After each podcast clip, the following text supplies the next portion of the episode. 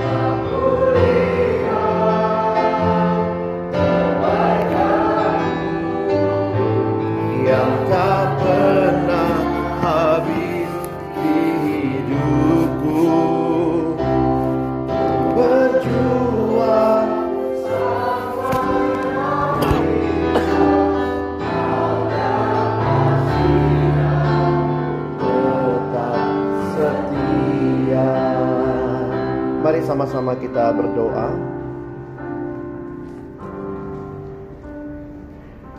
Bapa di dalam surga kami datang dalam ucapan syukur pada pagi hari ini. Karena sungguh engkau baik dan engkau menyatakan kebaikanmu di dalam hidup kami. Tuhan tolonglah kami untuk setia hingga pada akhirnya.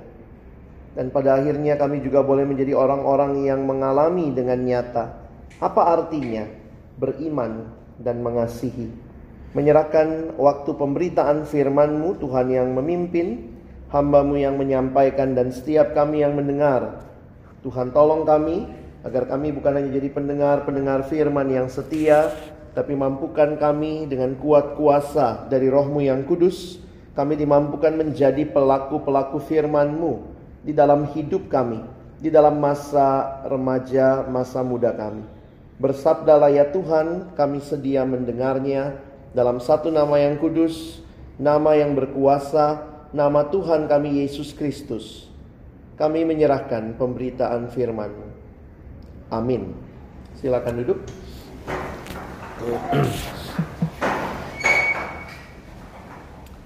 Shalom. Selamat pagi teman-teman yang dikasihi Tuhan. Pagi ini kita sama-sama akan merenungkan tema yang diberikan adalah setia untuk beriman dan mengasihi. Firman Tuhan diambil di dalam Yohanes pasal yang ke-14. Mari kita lihat sama-sama. Yohanes pasal yang ke-14. Saya mengajak kita membaca seluruh perikop mulai ayat 15 sampai dengan ayat yang ke-31. Yohanes pasal yang ke-14 kita akan melihat ayat 15 sampai dengan ayat yang ke-31. Mari jika sudah menemukan kita membaca bergantian pria dan wanita. Setelah saya baca judulnya, mohon yang pria mulai baca, silih berganti dengan yang wanita, kita membaca sampai ayat 31. Pria siap Yesus menjanjikan penghibur. Jikalau kamu mengasihi aku, kamu akan menuruti segala perintahku.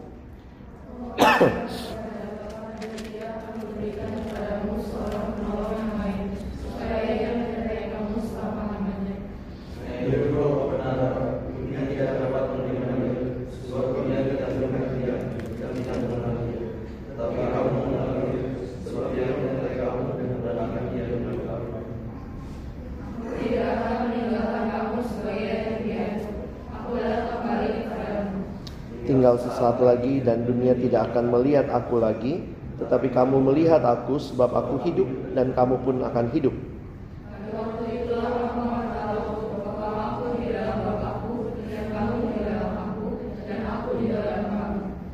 Barang siapa memegang perintahku dan melakukannya, dialah yang mengasihi aku.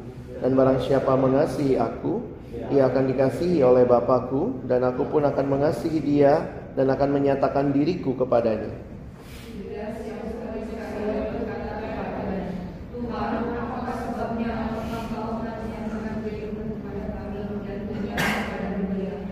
Jawab Yesus, jika seorang mengasihi aku, ia akan menuruti perintah dan Bapakku akan mengasihi dia dan kami akan datang kepadanya dan diam bersama-sama dengan dia.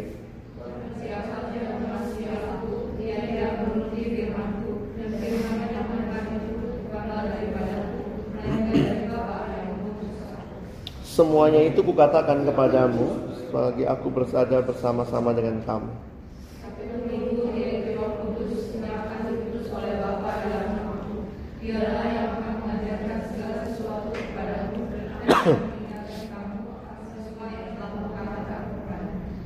Damai sejahtera ku tinggalkan bagimu, damai sejahtera ku kuberikan kepadamu.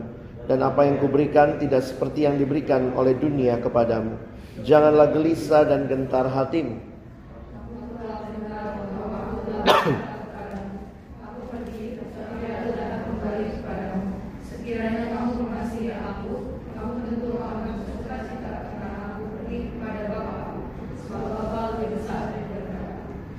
Dan sekarang juga aku mengatakannya kepadamu sebelum hal itu terjadi, supaya kamu percaya apabila hal itu terjadi.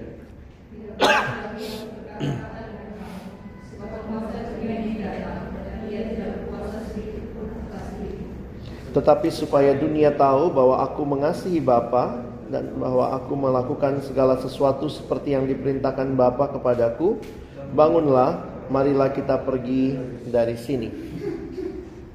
Saudara yang dikasihi Tuhan, apa rasanya kalau orang yang sangat kita harapkan ternyata mengecewakan kita? Saya pikir perasaannya mungkin galau, apalagi kalau yang terjadi itu sesuatu yang meruntuhkan harapan kita. Saya pikir satu hal yang menarik di dalam kehidupan ini yang paling mengerikan bagi saya bukanlah penderitaan, tetapi menurut saya yang paling mengerikan adalah orang yang hidup tanpa harapan. Saya ulangi ya. Yang paling mengerikan sebenarnya adalah kalau orang hidup tanpa harapan, bukan penderitaan saja. Karena saya melihat ada orang-orang yang bahkan rela menderita, tapi kenapa dia mau menderita? Karena dia punya harapan. Jadi kehilangan harapan itu sebenarnya satu hal yang paling mengerikan. Nah, apa yang kita baca di dalam Injil Yohanes ini, kalau teman-teman perhatikan, ini adalah bagian Yesus mengajar kepada murid-muridnya. Saya cerita sedikit tentang Injil Yohanes. Di dalam Injil Yohanes ada dua bagian besar, paling tidak yang bisa kita perhatikan. Bagian pertama adalah penampilan Yesus yang mengajar, melakukan mujizat di depan publik. Jadi ada yang namanya pengajaran publik itu di dalam pasal kalau kita lihat mulailah pasal 2 misalnya sampai dengan pasal 12. Jadi memang Yohanes agak beda dengan Injil lain ya. Mulai dari pasal 2 sampai pasal 12 itu adalah pengajaran Yesus di depan publik. Lalu nanti dia masuk pasal 13 sampai pasal yang ke-16 itu adalah pengajaran Yesus khusus kepada murid-muridnya. Jadi bahan yang kita baca tadi, bagian Alkitab yang kita baca tadi itu sebenarnya yang disebut sebagai private discourse, pengajaran privat Yesus kepada murid-muridnya. Nah, di mana pembagiannya. Coba lihat sebentar di Alkitab kita Yohanes pasal 12 Perhatikan setelah Yesus memberitakan kematiannya Yohanes 12 ayat yang ke-36 Ini jarang kita baca, jarang kita pahami tapi menarik sekali ya, mulai ayat 36, lihat bagian bawah. Sesudah berkata demikian, Yesus pergi bersembunyi dari mereka. Ini dari siapa? Yesus mulai tidak tampil di publik, dia hanya kepada murid-muridnya. Karena itu mulai pasal yang ke-13 itulah pembasuhan kaki. Kita juga menghayati malam itu terjadi perjamuan terakhir. Nah, ini semua Yesus dengan muridnya saja. Nah, apa yang menarik? Ketika Yesus berhadapan dengan muridnya, teman-teman lihat tadi ya. Di dalam pasal 12 ayat 20 judulnya apa? Yesus memberitakan kematiannya. Bagi orang Yahudi pada waktu itu, mereka punya konsep tentang Mesias. Dan ketika mereka melihat hidup Yesus, nampaknya mereka lihat inilah Mesias yang mereka harapkan. Tapi jangan lupa konsep mereka konsep politik.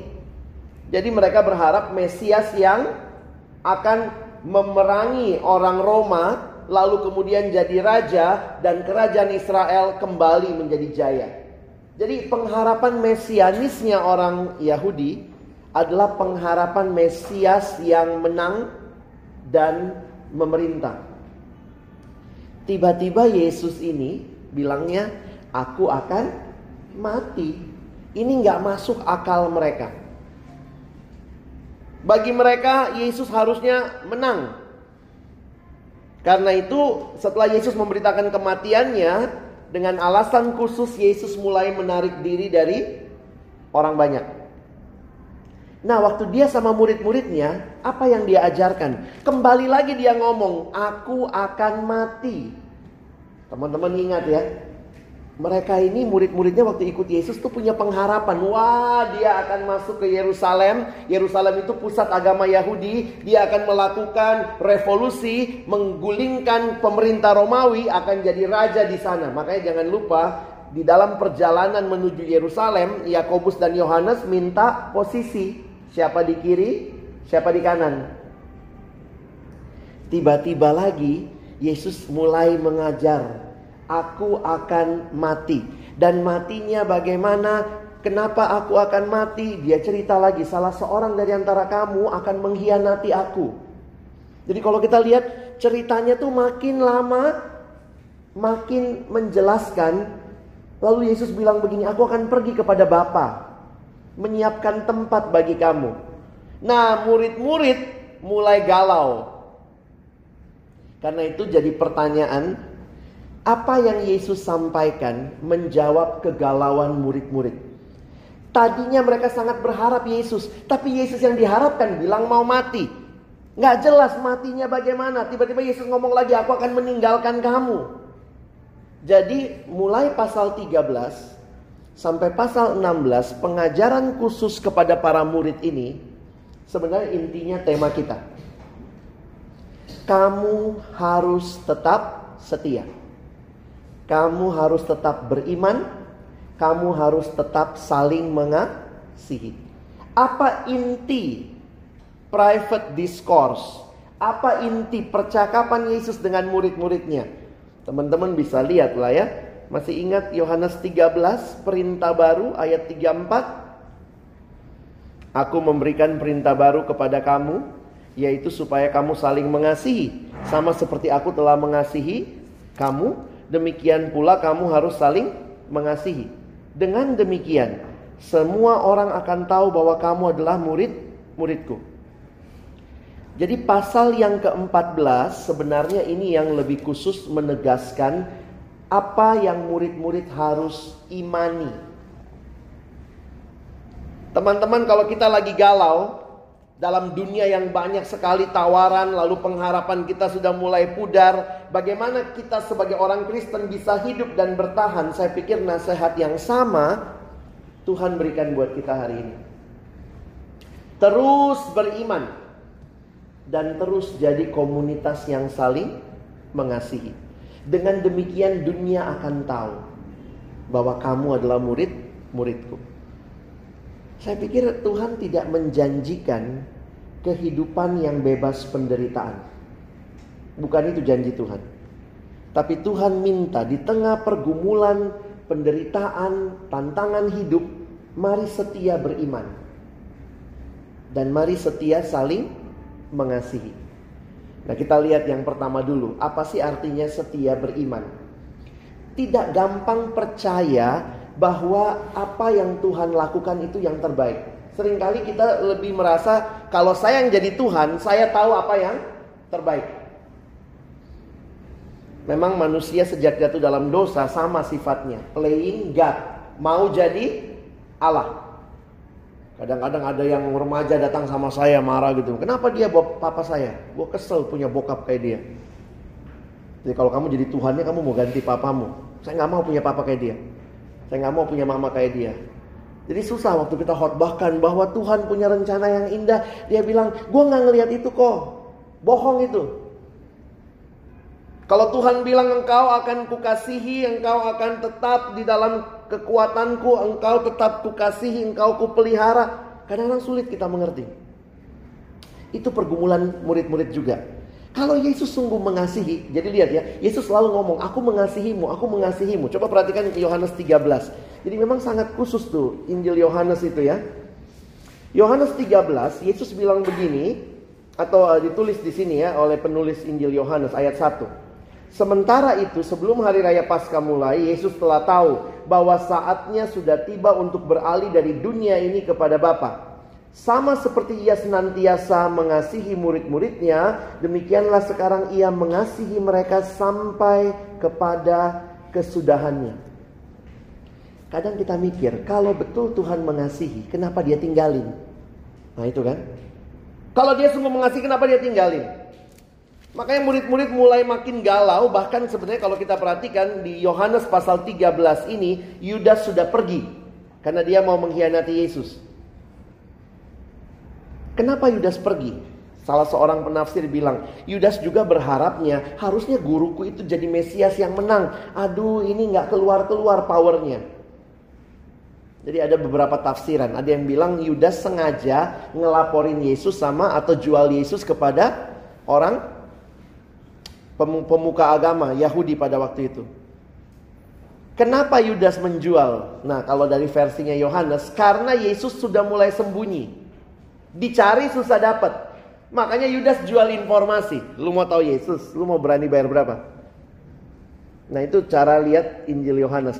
Baru kemudian dia bawa orang-orang itu bertemu Yesus di Taman Getsemani yang dia tahu tempat itu Yesus biasa berdoa. Dan waktu dia katakan demikian, ada yang mengatakan mungkin Yudas berharap Yesus ini kalau didesak sama kayak super power ya, superhero. Kalau didesak baru keluar powernya. Jadi ada yang mengatakan kemungkinan Yudas karena sebenarnya 30 keping perak itu mahal apa murah? 30 keping perak itu murah loh. Itu di dalam perjanjian lama itu harga untuk budak. Jadi kalau budak mati, jadi ada cerita di perjanjian lama kalau kamu punya ternak, ternakmu itu nabrak orang, maka harus bayar ganti rugi. Nah ada ganti ruginya. Kalau yang mati orang, apa ganti ruginya? Kalau ternak sama ternak, apa ganti ruginya? Nah harga 30 keping perak itu harga kalau yang ketabrak budak dan mati. Jadi harganya itu murah sebenarnya. Jadi ada yang bertanya, betulkah Yudas menyerahkan Yesus karena uang? Ya pasti juga ada uangnya karena memang dia dapat uangnya. Tapi jangan lupa setelah itu dia balikan uangnya. Sehingga ada yang menafsirkan kemungkinan Yudas berharap saya serahkan Tuhanku supaya dia keluar ke mesiasannya. Ayo dong buktikan. Begitu terdesak langsung superhero-nya keluar. Tapi ternyata Yesus waktu ditangkap dia bilangnya apa? Mau tangkap saya, ini saya. Dan Yudas nggak nyangka nampaknya Yesus kok sampai mati maka dia buang uang itu. Ada penafsiran begitu. Tapi yang bagi saya yang menarik adalah murid-murid susah percaya bahwa rencana yang Yesus miliki itu lebih indah dari apa yang mereka pikirkan. Mereka pikirkan Mesias, Yesus jadi raja, aman dan tentramlah. Yesus berkata, aku akan mati. Aku akan tinggalkan kamu. Nah sekarang kita masuk ke bagian yang kita baca tadi ayat 15 ya. Yohanes 14 ayat 15. Ayat 18 saja langsung kita ke 18 ya. Aku tidak akan meninggalkan kamu sebagai yatim piatu, kata Yesus. Aku akan datang kembali kepadamu. Tinggal sesaat lagi dan dunia tidak akan melihat aku lagi, tetapi kamu melihat aku sebab aku hidup dan kamu pun akan hidup. Yesus ngomongnya jangan lupa ya sama muridnya. Dunia tidak lihat aku, tapi kamu lihat aku dan kamu akan terus lihat aku. Pada waktu itulah kamu akan tahu bahwa aku di dalam Bapa dan Bapakku dan kamu di dalam aku dan aku di dalam kamu. Baru dia bilang lagi ayat 21. Barang siapa memegang perintahku dan melakukannya dialah yang mengasihi aku. Barang siapa mengasihi aku ia akan dikasihi oleh Bapakku. Dan aku pun akan mengasihi dia dan akan menyatakan diriku kepadanya. Nah lihat ayat 22. Muridnya yang namanya Yudas yang bukan Iskariot. Karena Yudas Iskariot udah, udah tinggalin ya dari pasal 13. Dia tanya nih, Tuhan, apakah sebabnya maka engkau hendak menyatakan dirimu kepada kami saja? Bukankah engkau harusnya kalau Mesias harus menyatakan diri kepada dunia? Makanya dia bilang, dan bukan kepada dunia. Nah kalimat Yesus ke bawah ini mengajarkan jika seorang mengasihi aku, jadi itu jawaban Yesus. Jika seorang mengasihi aku, ia akan menuruti firmanku. Dan Bapakku akan mengasihi dia dan kami akan datang kepadanya dan diam bersama-sama dengan dia. Jadi Tuhan mau menyatakan bahwa kalau kamu mengerti apa yang akan aku alami, kamu akan percaya bahwa memang aku ini yang diutus oleh Bapa. Sehingga Yesus pakai permainan kata. Kalau kamu mengasihi aku, kamu akan menuruti perintahku. Kalau kamu turuti perintahku, kamu ngerti apa yang jadi maunya Bapak. Kira-kira begitu. Sehingga teman-teman secara sederhana pagi ini Koko mau kasih tahu kepada kita. Bagaimana kita setia di dalam situasi hidup yang sulit. Pegang firman Tuhan. Berulang kali Yesus mengingatkan, kalau kamu mengasihi aku, kamu akan menuruti segala perintahku. Apa buktinya kita mengasihi Yesus? Buktinya mengasihi Yesus bukan seberapa besar foto Yesus di dompetmu. Bukan. Bukan seberapa besar foto Yesus di kamarmu, kau taruh begitu rupa, kau ke sekolah bawa salib.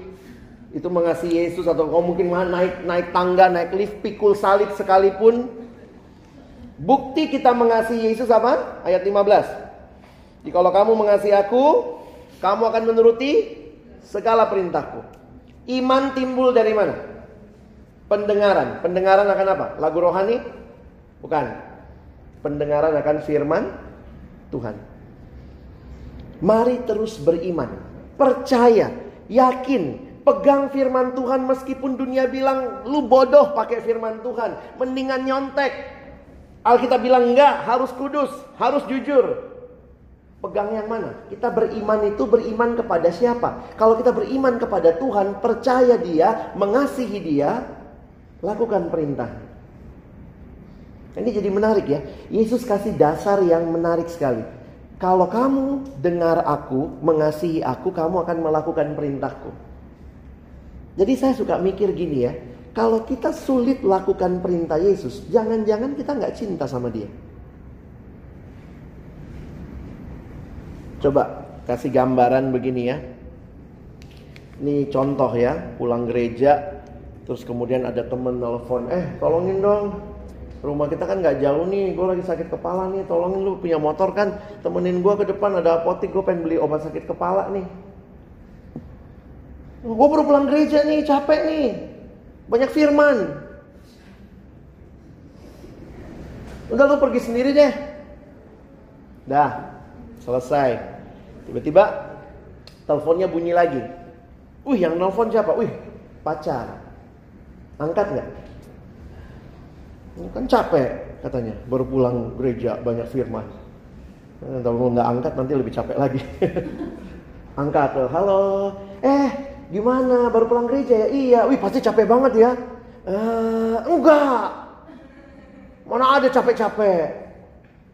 Terus kemudian Pacarnya nanya, Sebenernya gue mau minta tolong tapi nggak enak. Minta tolong apa? Aduh nggak enak, kamu kan masih capek. Nggak ada capek, apa minta tolongnya apa?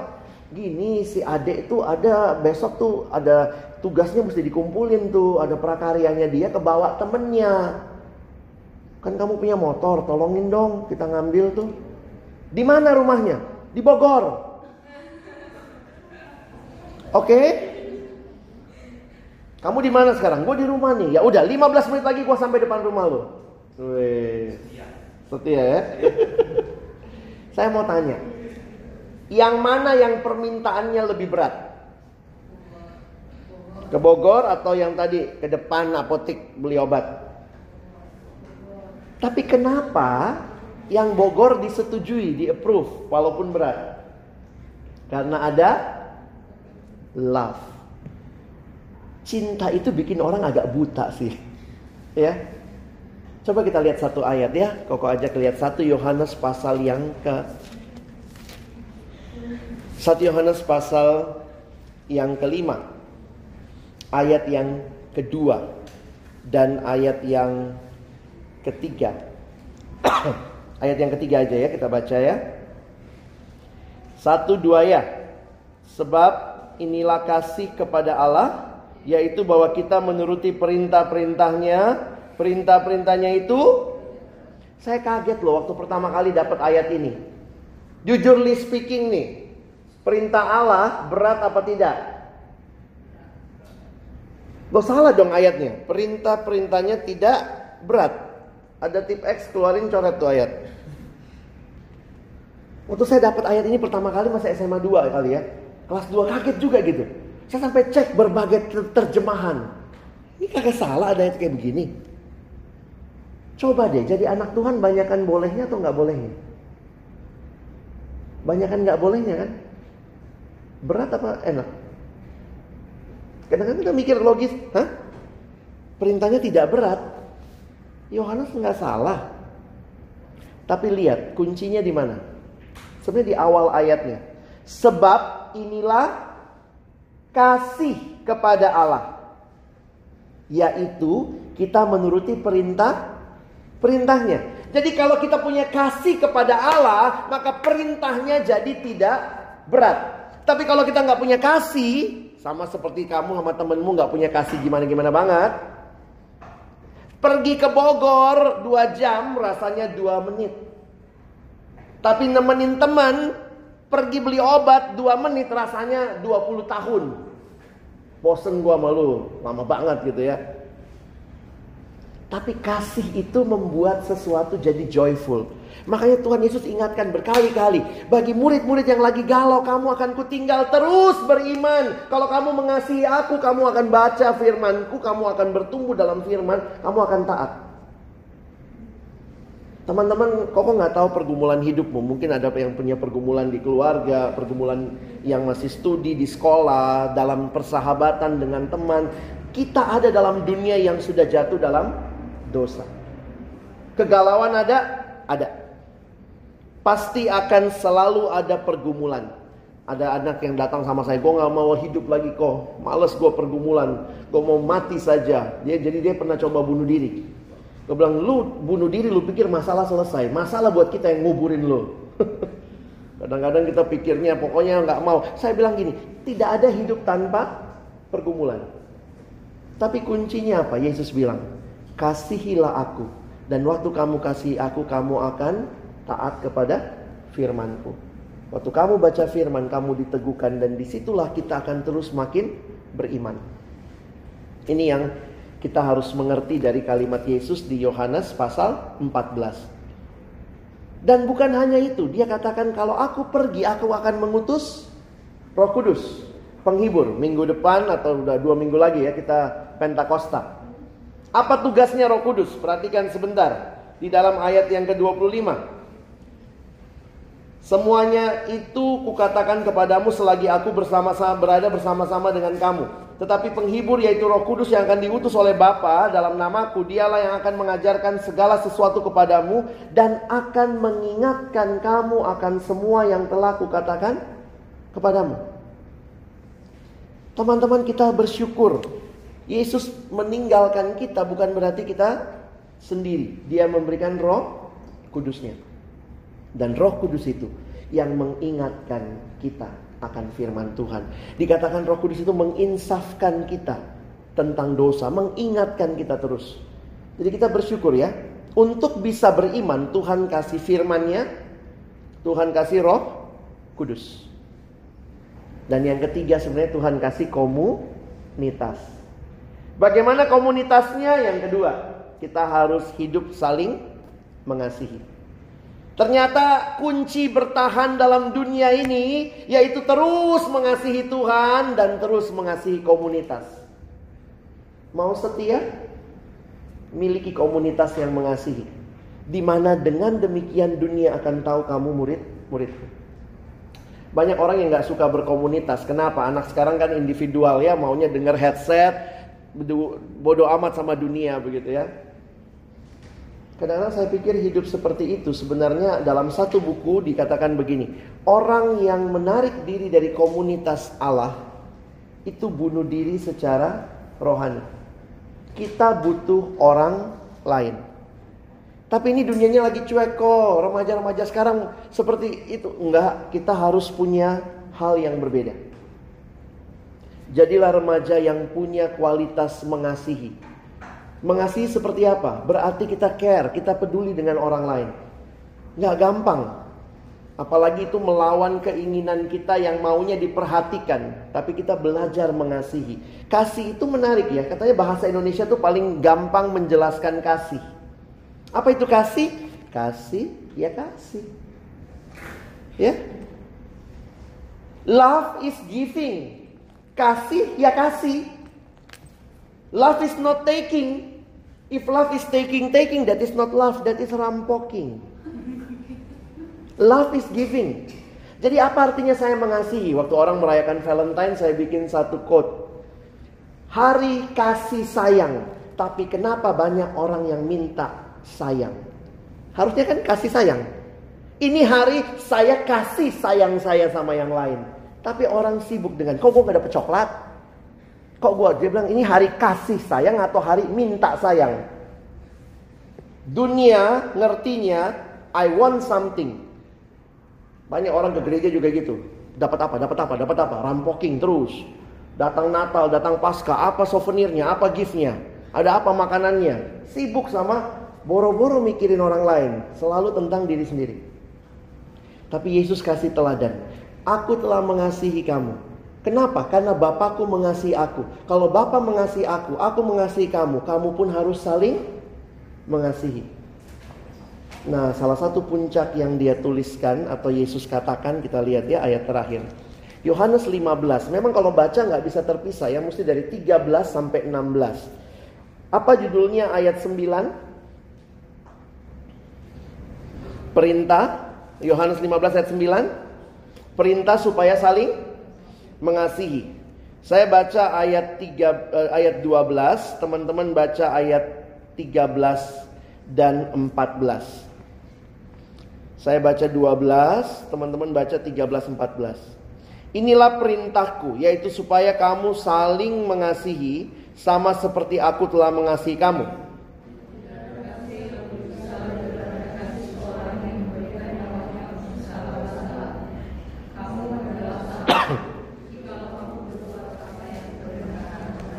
Ternyata semua terkait ya. Kalau kamu sahabatku, kamu akan melakukan yang aku mau. Kalau kamu sungguh-sungguh menikmati kasihku, kamu harus saling mengasihi. Kualitasnya apa?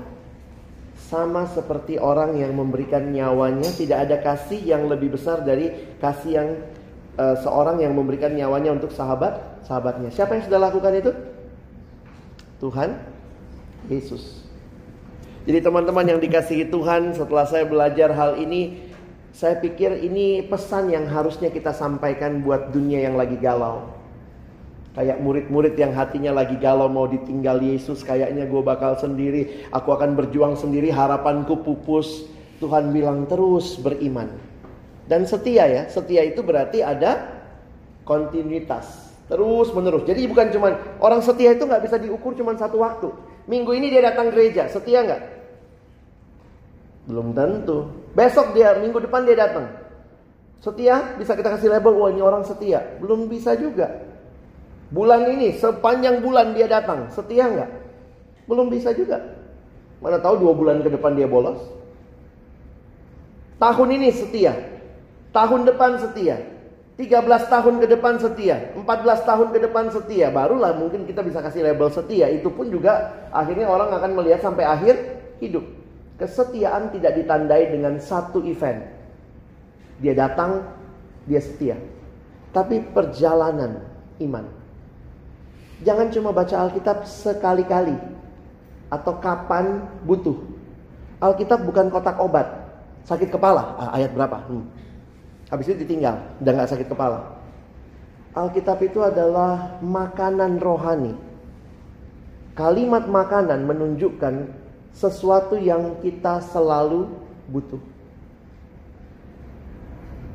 Jangan cuma ada yang gitu ya. Saya banyak layani anak remaja gitu. Kok gue nggak tahu nih Tuhan mau apa ya ke hidup gue ke depan kok.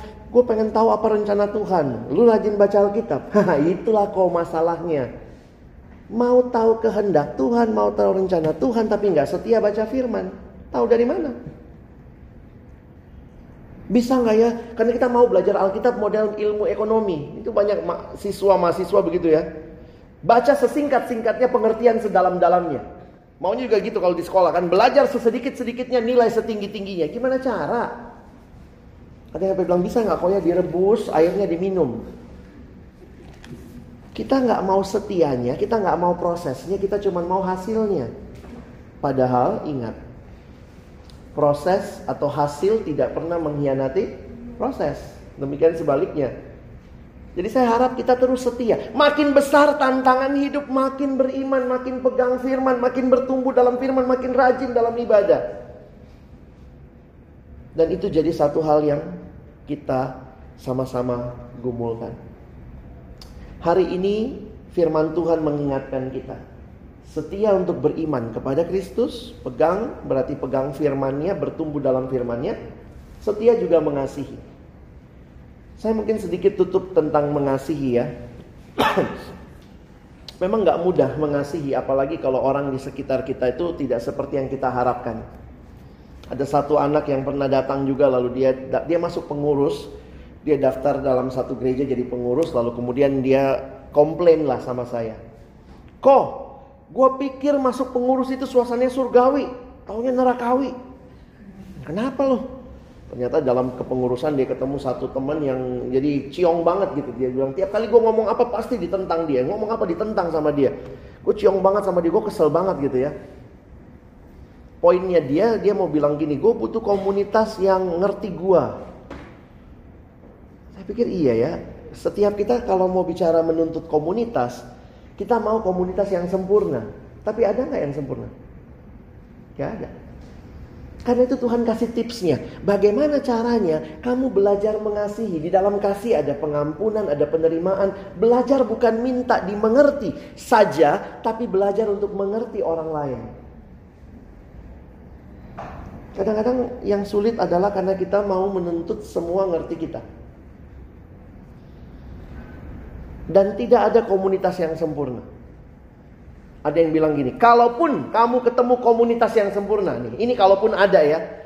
Kalaupun ada satu komunitas yang sempurna, begitu kamu join ke dalamnya langsung jadi komunitas nggak sempurna. Gara-gara siapa? Gara-gara lu yang join. Karena memang kita pun nggak sempurna. Tapi kasih itu saling menutupi. Kalimat Paulus kasih menutupi banyak dosa. Nah saya berharap komunitas remaja di tempat ini. Jadi komunitas yang menolong kamu setia di dalam dunia. Ada satu cerita anak datang ke saya bilang gini, kok gue nyontek lagi nih. Kenapa lu nyontek? Doain ya kok, ya didoain. Minggu depan datang gue, kok gue nyontek lagi. Kenapa nih anak? Kenapa lu nyontek terus? Terus akhirnya saya bilang, kenapa sih nyontek dulu? Iya kok habis semua teman gue nyontek. Saya bilang, oh itu masalahnya. Sekarang ganti. Cari teman semua nggak nyontek. Dan kamu sendiri yang nyontek. Siapa yang dibilang aneh? Kita kadang-kadang peer pressure karena semua nggak nyontek, semua nyontek, kita nggak nyontek yang dibilang aneh siapa? Yang nggak nyontek yang dibilang aneh. Yang benar malah dibilang salah. Saya bilang kalau gitu ganti temanmu. Semua nggak nyontek. Nggak ada teman yang kayak gitu. Benar. Coba cari di gereja. Makanya beberapa gereja bikin komsel-komsel anak remaja, pemuda. Di tengah-tengah sekolah, semua temannya nyontek. Dia punya komsel di gereja, punya KTB di gereja. Semua temannya tidak nyontek. Ini jadi komunitas tandingan. Sehingga ini yang menolong kamu bertahan. Lu nyontek dong. Oh sorry, gue gak mau nyontek. Ah lu cupu banget. Lu sok pendeta. Sorry, gue punya beberapa teman yang juga sama-sama gak mau nyontek. Harusnya gereja menyiapkan komunitas tandingan untuk menolong remaja, pemuda bertahan di dalam dunia. Mulai dengan apa? Saling mengasihi. Kasihi Allah, kasihi sesama, dan setia. Itu kunci bertahan di dunia yang penuh pergumulan. Amin. Mari kita berdoa. Tuhan terima kasih banyak buat firman-Mu. Tolong kami bukan cuma jadi pendengar, tapi boleh jadi pelaku firman. Hidup masa muda kami. Kami tidak lagi jadi anak-anak yang galau. Tidak lagi jadi anak-anak yang bimbang, ragu. Tidak lagi jadi orang-orang yang merasa Tuhan tidak mengasihi kami. Karena kau sudah berikan firman-Mu, kau berikan rohmu yang kudus menyertai kami, kau berikan kepada kami juga komunitas, saudara seiman yang mengasihi kami, yang mau berjalan bersama kami. Bukan berjalan untuk menikmati dosa, tapi berjalan untuk hidup di dalam kehendak Tuhan. Tolong kami sekali lagi, bukan cuma jadi pendengar, jadikan kami pelaku-pelaku firman. Dalam nama Yesus kami berdoa. Amin.